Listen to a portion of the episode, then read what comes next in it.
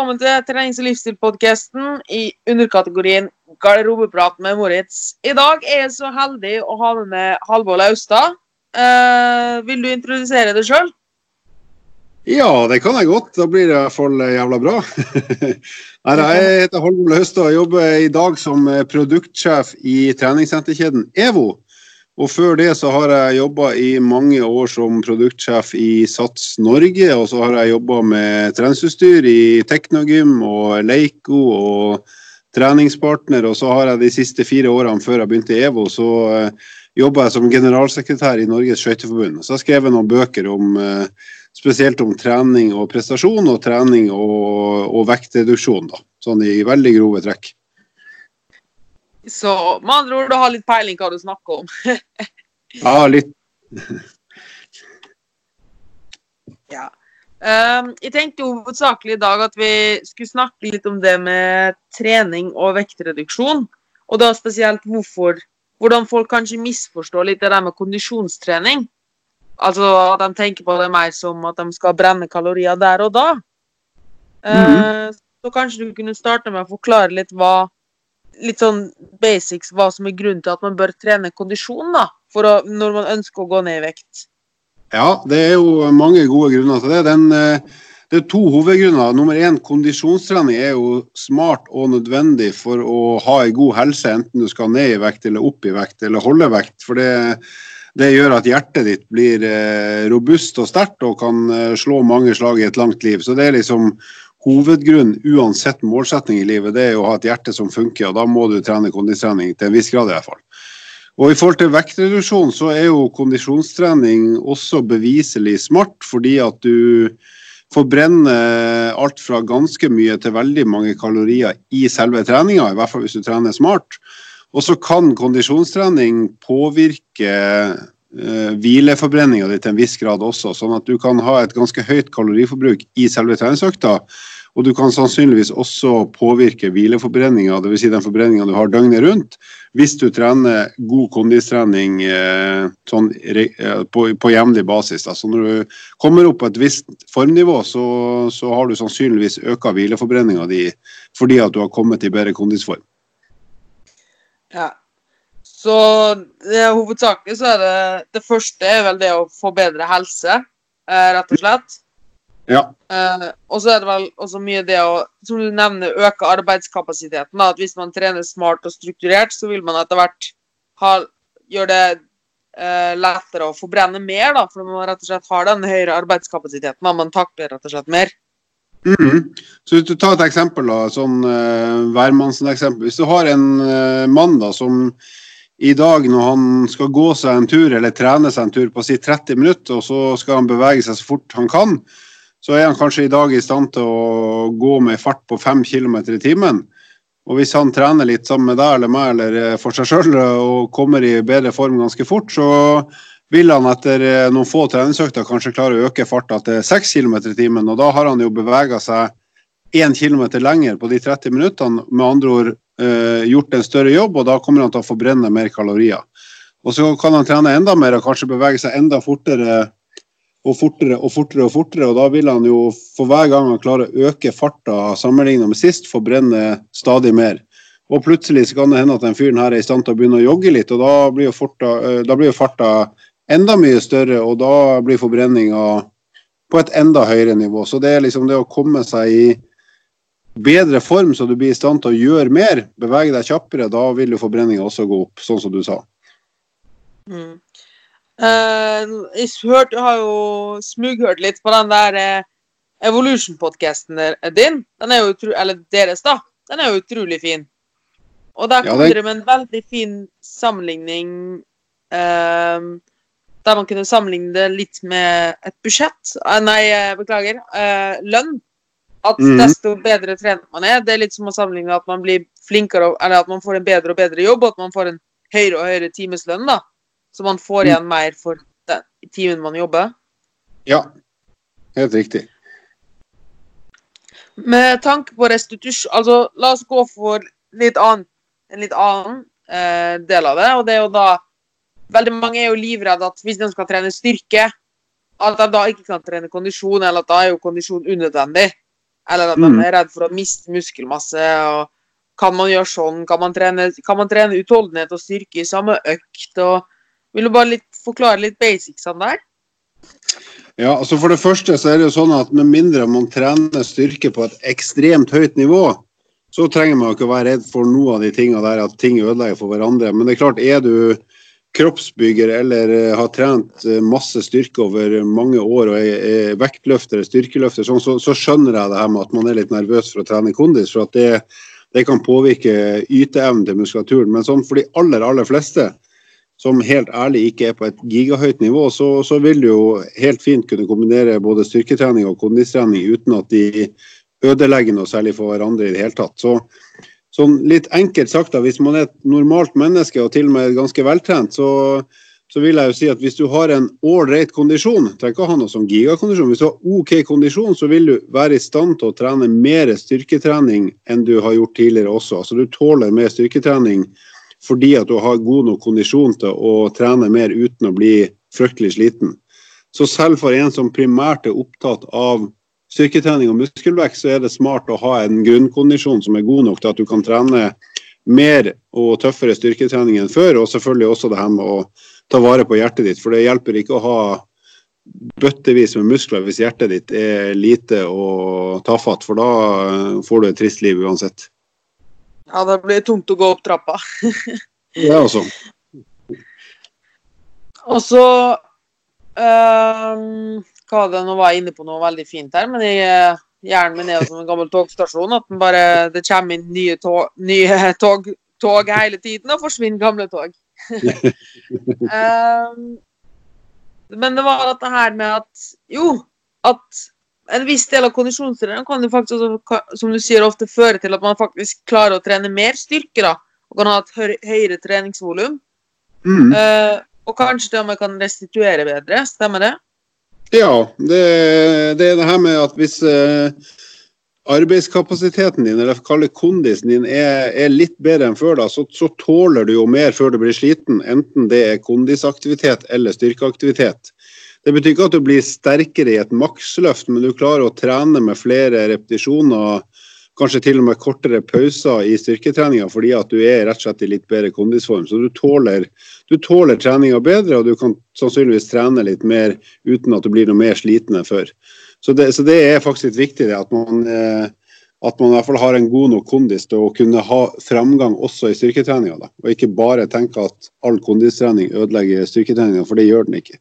Så f.eks. de som trener mye markløft, knebøy og er opptatt av å øke muskelmassen og styrken i setemuskulatur, lår og legger, sånn, så ok, hvis du er redd for å jogge eller eh, løpe fordi at du tror at du reduserer muskelmassen, så prøv å sykle eller ro eller trene på stakemaskin. Poenget er at du skal få trent hjertepumpa, sånn at den blir litt større og sterkere og kan eh, dunke ut litt mer blod i hvert slag. Og, da, og får du til det, så får du også litt mer oksygen i hvert slag, og da får musklene dine mer oksygen, som gjør at du, du, tåler litt ekstra før du blir sliten. Og, og, også det poenget du sa, at du restituerer bedre. At du kan, du kan uh, trene mer eller ha kortere pauser i antall timer eller uh, døgn før du kan trene hardt igjen. Da. Så det er egentlig smart å, å gjøre når man har hjertepumpa, uansett uh, målsetning. Ja. Du nevnte altså nå at man ikke, kanskje ikke bør løpe. Uh, hvis man vil ha mest mulig ut av styrketreninga. Vil du utdype litt på det? Hvorfor man ja, altså, kanskje ikke bør løpe? Jeg sier ikke at du ikke bør løpe, men hvis du er hvis du har trent ganske mye styrke i lang tid og har på en måte utvikla en relativt stor muskulatur som du tenker at det her er viktig for meg å beholde, så, så jo, er jo løping sånn at det er en ganske tøff muskulær belastning, for du flytter jo på kroppsvekt. Og i et løpesteg så tar du jo sats og, og, løper forover og oppover, men du skal jo også lande den her eh, vekta di i fart. Sånn at hver gang du lander i et løpesteg, så er det en sånn relativt tøff mekanisk belastning. Altså det er på en måte Litt banalt sagt, det ødelegger muskulaturen litt. Det vil si at du trenger litt tid til å restituere deg. Eh, så sånn sett så ville jeg tenkt at eh, hvis du primært er opptatt av å holde trykket i styrketreninga på beinøvelsene, så ville jeg nok valgt en kondisjonstrening der du har minst mulig støtbelastning i beina. Så f.eks. istedenfor å løpe, så kunne du da brukt ellipsemaskin, som er egentlig som å løpe, men uten støtbelastning. Eller da ro eller sykle eller stakemaskin, som, som er veldig gode alternativ. Og da får du likevel trent kjempegod kondistrening uten at du får den her eh, tidvis røffe støtbelastninga som løp kan gi. Hvis du går derimot, så er støtbelastninga mye lavere, for der har du jo kortere skritt og mindre fart og mindre høyde du skal lande i hvert steg. Så der er på en måte kalle den mekaniske belastninga på muskulaturen veldig begrensa i forhold til et løpesteg. Men der kommer jo ofte dilemmaet at det blir veldig vanskelig å få pulsen høy nok, da. Ja, nei, da kan du jo eh, eventuelt da gå på ei tredemølle og, og, gå jæskla bratt og ganske fort, så får du jo bra trøkk i hjertepumpa, med mindre du er i kanonform, og det er man sånn kondismessig sannsynligvis ikke hvis du primært trener styrke. Eller finne en bratt bakke ute og rett og slett gå ganske fort uh, utendørs og bratt. Da, da, skal nok hjertet få kjørt seg brukbart. Jo, det var veldig godt poeng, egentlig. Mm. Uh, jeg, er ganske, jeg, er ganske, smart på akkurat de tingene. Ja, jeg, jeg har snakka en god del med det tidligere, og jeg har ofte inntrykk av det at du har litt peiling. Men alt det andre kan vi ingenting om. ja. um, og så, når man da skal trene kondisjon, da, primært for å øke, øke kondisjon, eller først og fremst, hva er egentlig kondisjon? Det har vi jo egentlig ikke gått inn på helt ennå. Nei, altså Det er mange måter å forklare det på, men jeg ville ha tenkt at kondisjon det, det, det, går på din kropps evne til å holde på med et eller annet over en viss tid med en sånn snev av intensitet. Det vil si at det ikke eh, Det å sitte i sofaen eller å gå kjempesakte er liksom ikke kondisjonsaktivitet, men det å på en måte kalle bevege på kroppen, eller bruke kroppen til å skape kraft og bevegelse over en viss tid med en sånn viss fart eller eh, intensitet, det, det vil jeg si en sånn Kall det det de fleste vil tenke på som kondisjon. Uh, og For noen er det å gå femmila på ski grisefort. For andre så kan det være å gå ti kilometer uh, så fort de kan. Eller for, for, de fleste så betyr det egentlig bare å ha god nok form til å gjøre de tingene du liker i livet uten å bli på en måte begrensa av kondisen. Så Det kan jo være så banalt som å gå opp noen trapper eller å å gå til og fra butikken eller den, den type ting. Trenger ikke ha noe med prestasjon eller idrett å gjøre i det hele tatt. Men, men uh, mitt mantra er jo at hvis du er ærlig med deg sjøl og, og, tenker hva er, det, hva er det jeg liker å gjøre i livet mitt, og hvis du da har funnet ut av det, og så samtidig ser at ok, det er en del ting av de ting, det er noen ting jeg faktisk ikke klarer å gjøre i dag, som jeg egentlig har lyst til å gjøre, men det, jeg klarer ikke å gjøre det for at jeg har for dårlig form så ville jeg tenkt at ok, da, da, må vi gjøre noe med det. Da må vi gjøre noe med kondisjonen din, sånn at du er i stand til å gjøre de tingene du liker i livet uten å bli hemma av dårlig form og dårlig kondisjon. Ja, for jeg opplever jo faktisk også ofte at spesielt mennesker som har en jobb har, blir Det er jo sliten etter jobben, f.eks. Og så bare mm. Eller har veldig lav generell arbeidskapasitet, da, altså uansett hva det er i livet så mm. har de en positiv effekt av å trene kondisjon da, og få opp den der arbeidskapasiteten som vi snakka om tidligere. Ja. For å da altså, kunne gjøre den tinga de har lyst til å gjøre i hverdagen. da.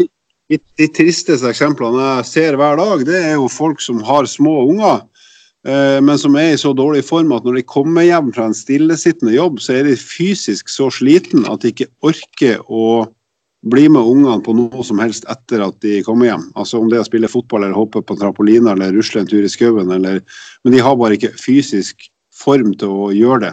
Selv om de vet at de burde gjort det og kanskje hadde lyst. Så, så, det, så det, er, det, er, gjort en del forskning som viser at du må liksom ha en selv et stillesittende arbeid så trenger du en viss kondisjon for å klare å være kall det, effektiv på en stillesittende arbeidsplass i en seks, sju, åtte timer er du under et sånn lavnivå der, så er du faktisk ikke i stand til å være effektiv selv i en stillesittende jobb. Ja, det kan jeg jo godt skjønne, men også er det jo sikkert altså det er en god del folk som glemmer litt med å De skjønner ikke helt forskjellen på det å være mentalt sliten og det å være kroppslig sliten. Det er jo litt det du mm. nevner akkurat nå med at du har en kontorjobb da på åtte timer. Uh, og så sitter, og så er du helt kjørt. Men så har du egentlig bare kjørt til jobben og sittet på jobben, og så har du kjørt hjem igjen, da. Mm. At mange der kanskje bare bør få i et lite, et lite spark i rumpa for å komme i gang. fordi selv om de er helt kjørt, så er det mest sannsynligvis bare i hodet. Eller mentalt. Ja, men det nok, har nok også litt uh, fysiologisk også, selv om uh, altså hvis du er i så dårlig form at du er fysisk sliten også, da. Så, ja. uh, så, så, så, den her fysikken påvirker jo Men det er jo, ikke sant, det henger jo sammen. Det er høna og egget og egget og høna. Så det er jo Du er mentalt sliten, fysisk sliten. begge deler forteller at du må bare dra hjem og slappe av. Så det er et eller annet med å si at OK, nå vet jeg at jeg er sliten, men det driter jeg i. Nå skal jeg gå så fort jeg kan i 20 minutter, for jeg vet at det er bra for meg. og det er digg å være ute i lufta eller å få gått seg en tur på ei tredemølle. Og selv om jeg kommer til å bli sliten etter de 20 minuttene, så er det garantert eh, bra for helsa mi og, og, sannsynligvis også for topplokket. Så det er det der med å ikke unnskylde seg med at jeg er sliten, så jeg orker ikke å gjøre noe med det, men å tenke at ok, jeg er sliten, men jeg gjør noe med det likevel. Det, men det er jo klart det er jo lett å sitte og si for oss som liker å trene. Men, eh, men da kan det jo være smart å begynne på et nivå som er overkommelig. Så istedenfor å tenke at ok, jeg går ut og bare banker på en og en halv time med, med treningstøyet mitt, så si heller at ok, jeg rusler, jeg rusler meg en tur sånn passe fort et kvarter etter middag. Det er 15 minutter mer enn hvis du bare sitter i sofaen. Og så kan det hende det blir 16 minutter dagen etterpå, eller litt fortere dagen etterpå. Men da er du i hvert fall i gang med noe som gjør at det blir bedre. Ja, rett og slett ha en lav terskel for å starte? Ja, for perspektivet er da sånn, igjen da, litt sånn uh, perspektivet for de fleste er jo at OK, det jeg begynner på nå, det skal jeg holde på med resten av livet. Det er ikke sånn at mm. folk tar seg ei økt og tenker at jeg skal trene med ei økt, og så er jeg fornøyd. Da gidder jeg ikke gjøre noe med resten av livet. Så hvis du tenker at den økta jeg begynner på nå, er et steg mot noe jeg har lyst til å gjøre resten av livet, nemlig å ha en OK form, så er det ikke nødvendig å ta ut alt av yteevne og motivasjon i den første økta. Men da er den et steg på en vei du skal ha det hyggelig med resten av livet. Og da, da, er det, da, er det, en grei innfallsvinkel å tenke at da begynner jeg med noe som er overkommelig, og så ser jeg om jeg kanskje skal gjøre litt mer i morgen, men jeg begynner med det her nå. Og så er det resten av livet å ta av i forhold til å øke på hvis man vil det. Ja, det var veldig godt poeng, egentlig. Jeg pleier å si til, å si til noen av kundene mine at ta i hvert fall på deg skoene og gå fem minutter én vei. Og så i verste fall så snur du igjen, men da må, har du i hvert fall gått ti minutter. For du må jo gå tilbake igjen nå. Ja, men det er smart. Det, det, er lurt. Og da er det, det er bedre enn å Det er nok lurere enn å gå på ei tredemølle, for den kan du jo stoppe når som helst. ja, det stemmer. Jeg, jeg, husker, jeg husker at jeg skulle trene til 10 km på skolen. Og da var det alltid sånn i løp 5 km én vei, og da visste jeg ok, nå må jeg snu. Og da løper jeg tilbake igjen. Ja. Og jeg orka ikke, hadde ikke lyst til å løpe 10 km, men jeg visste at hvis jeg løp 5 km én vei, så må, måtte jeg løpe tilbake igjen. Det som er litt kult da, med å gjøre noe så teit som det der, det er at vi lurer oss sjøl, men vi skjønner at vi lurer oss sjøl. Men det gjør ikke noe, for da gjør vi det i hvert fall. Og så er det jo sånn at selv om man eventuelt bare tenker at man skal gå, så vil du etter hvert tenke OK, kommer jeg litt lenger på fem minutter nå enn sist? Ja, 40 meter ekstra. OK, da har jeg jo da har jeg faktisk gått litt fortere, da. Så da har det skjedd et eller annet fysisk og kanskje mentalt som, som er målbart bedre enn det har vært før. da. Så det, det er ikke så dumt å lure seg sjøl, så lenge man er klar over det.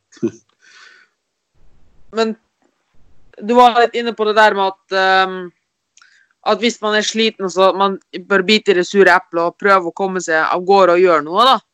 Uh, jeg tror veldig mange har den oppfatninga at det beste de kan gjøre hvis de er sliten mentalt og fysisk, er å sitte og slappe av og ligge i sofaen. Men det kan ganske ofte føre til en ond sirkel.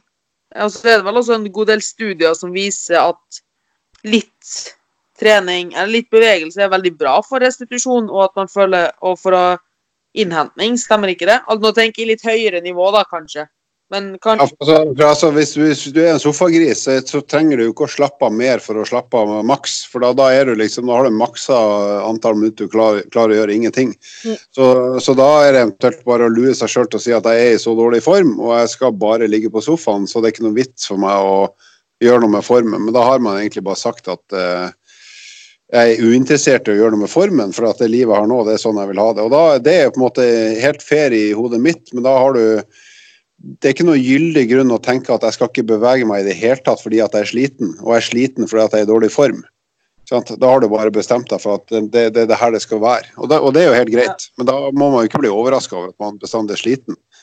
Eh, fordi at du er i en form som tilsier at du kommer bestandig til å være sliten. Så det er jo Ja, Greit for da blir jo alt jeg, men det er jo helt greit nok. Altså, det er helt fair. Hvis folk eh, mener det, at det er et liv de vil ha, så er jo det helt fair, for så vidt. Helt klart, men da blir jo det Da vil jo det å ligge på sofaen være standarden, og så vil alt over det være, være en treningsøkt, egentlig, da. Fordi det, det blir tungt. Det blir litt tungt, men samtidig er det jo eh, Da blir all bevegelse blir, ja, det blir jo det trening, da, men det hjelper jo ikke i forhold til å komme i bedre form. Hvis man bare hvis man gjør det man kan for å bevege seg minst mulig, så, så blir all bevegelse trening, men det blir likevel ikke nok til at du får gjort noe med muligheten til å ha et litt mer aktivt liv. da. Eh, Men da har man igjen et utgangspunkt i at man skal bevege seg minst mulig. og Har man tenkt at det er sånn man vil ha det, så er jo det ja, greit nok på individnivå hvis man, hvis man vil det. Jeg ville jo tenkt at det livet vil ikke jeg ha, men der er vi jo helt forskjellige, selvfølgelig. Ja, altså, jeg vil også tenke at du kanskje blir litt begrensa, da. Og nettopp det du snakker om nå, hvis du har unger, for eksempel, da. Det blir jo Ja, det blir jo trist når du går utover dem, da. Mm.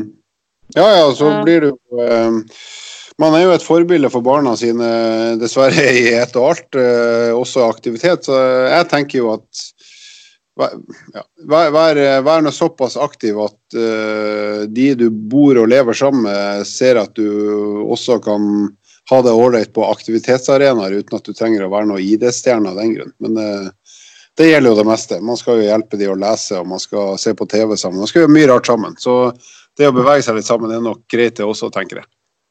Ja, veldig godt poeng. Du nevnte også det med at du, at hvis du da er en sofagris da, og ikke beveger deg, så vil jo all bevegelse være trening. Men sannsynligvis ikke nok til å gjøre en forbedring. Eh, så da virker det jo som at man må opp på en viss terskel, eller man må gjøre et visst nivå av arbeid for å, for å få en effekt, da, for å forbedre da, formen sin. da. Um, så hva, hva, bør man ligge på? Hva bør man sikte seg inn på hvis man da går inn med et mål om at man ønsker å komme i bedre form, da? Hvis du, hvis du tar utgangspunkt i folk som er i dårlig form i dag, og som egentlig ikke er interessert i å komme i noe kjempeform, som er helt fair, men de har lyst til å i hvert fall ha en form som gjør at de har et visst overskudd på jobb og, og i hverdagen og fritida si, så ville jo jeg sagt at uh, da, får du, da får du gidde å bli ganske sliten 30 minutter om dagen. Altså Man har snakket om 30 minutter om dagen. bare bare gå noen rolige skritt eh, totalt 30 minutter, så unngår du i hvert fall å dø fortest mulig. Men da ville jeg sagt eh, beveg deg til fots 30 minutter om dagen så, med såpass bra fart at du blir litt sliten. Du trenger ikke å ha på deg treningstøy, du trenger ikke å springe, men, men, men vær i hvert fall sånn delvis andpusten i 30 minutter hver dag. Eh, det har du tid til hvis du er interessert, og da har du sannsynligvis en form som du vil tenke at ok, nå er jeg i god nok form til å gjøre det aller meste av det jeg syns er ålreit. Og et sånt menneske er ikke interessert i å gå Birken eller å springe en maraton, eller sånt, så, det, så da, da trenger du heller ikke å, å legge opp et treningsopplegg for det. Men jeg, jeg vil helt ærlig påstå at bli andpusten i ca. 30 minutter om dagen uten at du trenger å ha på treningstøy, det holder i massevis for de som vil ha et sånn hverdagsoverskudd. Men da må du gidde å gjøre det, i hvert fall fem dager i uka. Det er, min, Men det, er det ærlige, ærlige svaret. Så kunne jeg sagt at ja, det holder med fem minutter eller ti minutter eller bla, bla, bla. Men sett nå av 30 minutter fem dager i uka. Det, det er det verdt. Men må da si 30 minutter være sammenhengende? Nei, men det er jo smart å bare gjøre det med en gang, istedenfor å si at nå gikk jeg opp trappa ett minutt, og så gikk jeg bort til printeren ett minutt, og så gikk jeg på dass i to minutter. Så det, det er jo bedre å, å gjøre det sammenhengende, for da får du da får du, et da får du ei fin treningsøkt som egentlig ikke er ei treningsøkt, det er bare en, en skikkelig fin luftetur. Og de aller fleste klarer å finne ei luke på 30 minutter eh, i løpet av et døgn. Eh, og særlig når du ikke trenger å ha treningstøy. Du kan bare gjøre det. Så gjør det før jobb, i lunsjen, rett etter jobb eller på kvelden. Altså det er utrolig mange plasser å finne ei sånn 30-minuttersluke luke i et liv. Fem dager i uka. Det er jeg helt sikker på. Veldig gode poeng. Hvis vi da tar det samme ambisjonene, bare et hakk oppover, da. La oss si at vi Mm. har Ola Nordmann, da, som rett og slett vil Han har gått inn for å begynne å trene, vil gå ned noen kilo, men vil også komme i Få bedre kondisjon, da, eller komme i bedre form, da. Um, og så vil han begynne med løping. hvordan bør han legge opp, eller hva bør han sikte imot hvis han da vil forbedre hjertepumpa si? Da, da, er det jo Da må du eh, Eller da skal du trene sånn at hjertet slår ganske fort og ganske hardt. Eh, så hvis du Nå tar jeg min generelle anbefaling, og så kan man forske og si at ja, men du kan gjøre sånn, sånn og sånn, og det er jeg helt enig i, men en veldig enkel eh, regel. For hvis du er i gang med å forbedre formen uten at du liksom har kommet opp på et sånn veldig høyt nivå, så ville jeg sagt at hvis du to ganger i uka gidder å ha høy puls i hvert fall i 10-12 minutter per gang, så gjør du nok til at hjertet ditt blir større og sterkere, og dermed utvikler kondisjonen din. Så f.eks. hvis du på mandag sier at ok, nå skal jeg i, ei treningsøkt ha høy puls og være ganske sånn andpusten i 12 minutter, så kan du f.eks. si at da kjører jeg tre minutter med hard jobbing, og så et par minutter fri, og så tre minutter hard jobbing, et par minutter fri, og så tre minutter jobbing. altså Sånn at du totalt får fire biter av tre minutter, sånn at du samla sett får tolv minutter med, med, ganske høy puls og andpusten, eller 15 for den saks skyld. Og så er det ei god økt for hjertet. Og den tar ikke mer enn en snau halvtime med litt oppvarming og pauser. Så gjør du det samme igjen kanskje på torsdag. Så har du fått to treningsøkter som egentlig bare varer en halvtime hver, men der du har fått samla i hvert fall en tolv minutter med ganske høy intensitet. Der hjertepumpa di har slått ganske hardt og hyppig sånn at hjertet ditt blir større og sterkere. Eller sånn enda enklere sagt, hvis du klarer å legge inn to ganger et kvarter med sånn, sånn type trening i uka, så, så, har du sannsynligvis gjort ganske mye for å få bedre kondisjon. Og den effekten kommer ganske fort, og den vil, den vil du dra med deg til du på en måte kommer på et nytt formnivå der du skal vurdere om du skal gjøre enda mer for å liksom ta et nytt steg. Da. Så det skal ikke så veldig mye til å, å få bedre kondisjon, selv om man er i OK form allerede. Mm. Eh, hvis man da f.eks. bruker et pulsbelte da, og har da funnet ut Eller det kan vi også drøfte litt aller først. La oss nå, Hvis vi da går litt på puls, da. Um, veldig mange bruker jo pulsbelte på trening. Eller har en pulsklokke eller et eller annet. Men jeg tror veldig mange ikke vet helt hvordan de skal bruke dem til. Hva, eller hva de egentlig hva den er god til, og hva den er dårlig til. Det er veldig mange kunder som for eksempel, kommer inn ja, jeg har brukt forbrent så og så mange kalorier på trening fordi pulsen min sier det og det, eller um, ja, den sier at jeg har gjort sånn og sånn, og nå må jeg hvile så og så lenge. Men det er vel kanskje ikke det man bør bruke primært ei pulsklokke til Sånn, Nei, altså, pulsklokka, kan jo bare fortelle deg hvor mange slag hjertet slår. Og så har du selvfølgelig noe med GPS-måling, så du kan få fart og en del andre data. Men sånn generelt, det å, å, å, se hvor fort pulsen slår, det er jo nyttig i, spesielt i kondisjonstrening for å få en idé om hvor hardt jobber hjertet mitt i forhold til sin makskapasitet. Så når du trener kondisjon og pulsen går opp, så, så er jo det et uttrykk for at du jobber hardere og hardere. At du faktisk beveger på kroppen med en intensitet og en fart som gjør at hjertet må slå flere slag for å levere ut mer blod til de musklene som gjør en større og større jobb. Eh, så i kondisjonstrening så er pulsen kan være et verdifullt instrument for å forstå hvor hardt jobber jeg ut fra mine forutsetninger. Mens i styrketrening så vil jo pulsmåling egentlig ikke være til hjelp for noe som helst, annet enn at du vil se at ok, når jeg trener styrke, så blir pulsen også ganske høy. Men, men uh, da er pulsen høy uh, fordi at du sannsynligvis uh, forandrer en del på blodtrykket, spesielt når du gjør sånne opp- og nedbevegelser, og delvis også fordi at du stoppe blodtilførselen i de musklene du jobber med hver gang du trekker sammen muskelen. Altså F.eks. hver gang du bøyer armer eller bøyer knærne, så vil du stoppe blodtilførselen i praksis til de musklene som gjør jobben.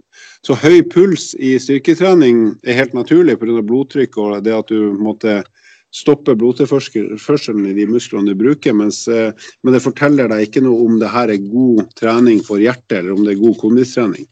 Det forteller bare at du har høy puls fordi det er noen andre mekanismer som gjør at pulsen blir høy. Så pulsen er et fint mål for intensitet og arbeid i kondistrening, men gir ingen verdifull informasjon i styrketrening. Mm, og det eneste verktøyet man trenger der, er egentlig at man en gang tester, finner ut makspulsen sin, og så kan man legge seg fine prosenter. da, Så ligger det veldig mye oversikt på nett, og man har forskjellige intensitetssoner etc. Ja. Ja, og Hvis du ikke gidder det og ikke har lyst til å gjøre den makstesten, så bare bruk beltet en gang du har en slags intervalløkt. Så får du i hvert fall en idé om ok, hvor høy puls har jeg når jeg går eller løper sånn og sånn. og Da har du i hvert fall fått noen tall som du kan sammenligne med for hver gang du gjør omtrent samme økta. Og Så kan det hende du blir litt gira og tenker at ok, i dag skal jeg i siste intervallet mitt så skal jeg faktisk gønne på ordentlig og så se om jeg kommer enda høyere opp i puls, fordi at jeg kanskje løper fortere eller går brattere enn det jeg gjorde sist. Og så ser du at ok, nå har jeg på en måte fått et enda høyere pulstall enn det jeg normalt har. Så da er jeg i hvert fall i nærheten av å finne en makspuls uten at du nødvendigvis gjør den selve testen. Mm. Og så er det vel veldig mange som ikke helt forstår det med makspuls, at det er genetisk. Altså, det, Hvilken makspuls man har, det har jo ingenting å si med hvor godt trent man er.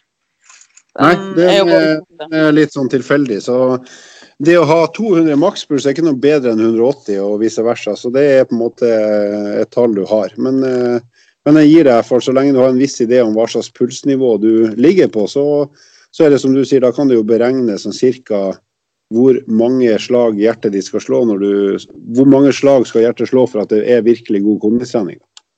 Mm.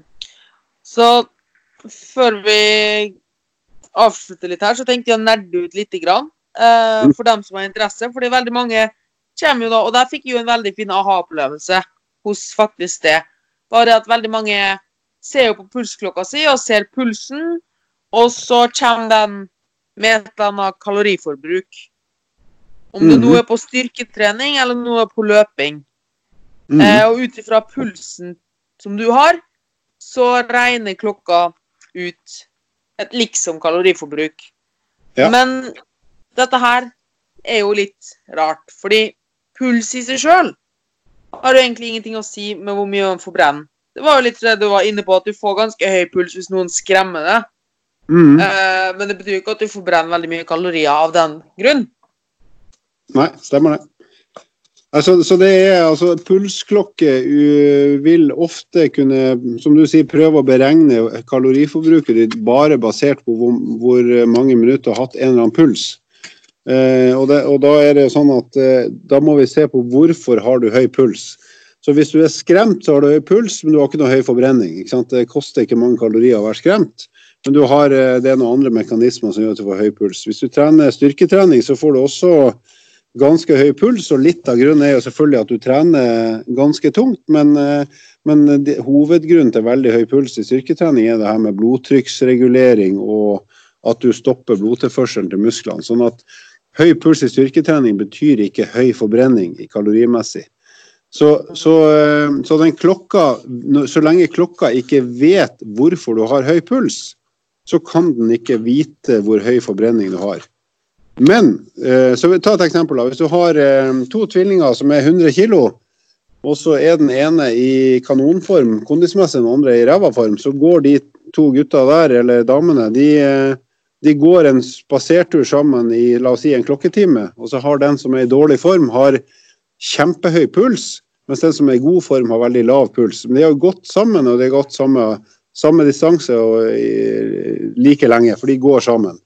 Da vil ei pulsklokke kunne si at den som har hatt høyest puls av de to, har hatt høyest mye, mye høyere forbrenning fordi at pulsen er så høy. Men så vet jo vi at de har jo vært de er like tunge de har gått like lenge, eh, like fort.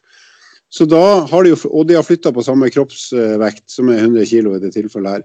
Da vet jo vi at de har gjort den samme fysiske jobben. Ergo har forbrenninga vært pluss-minus helt lik.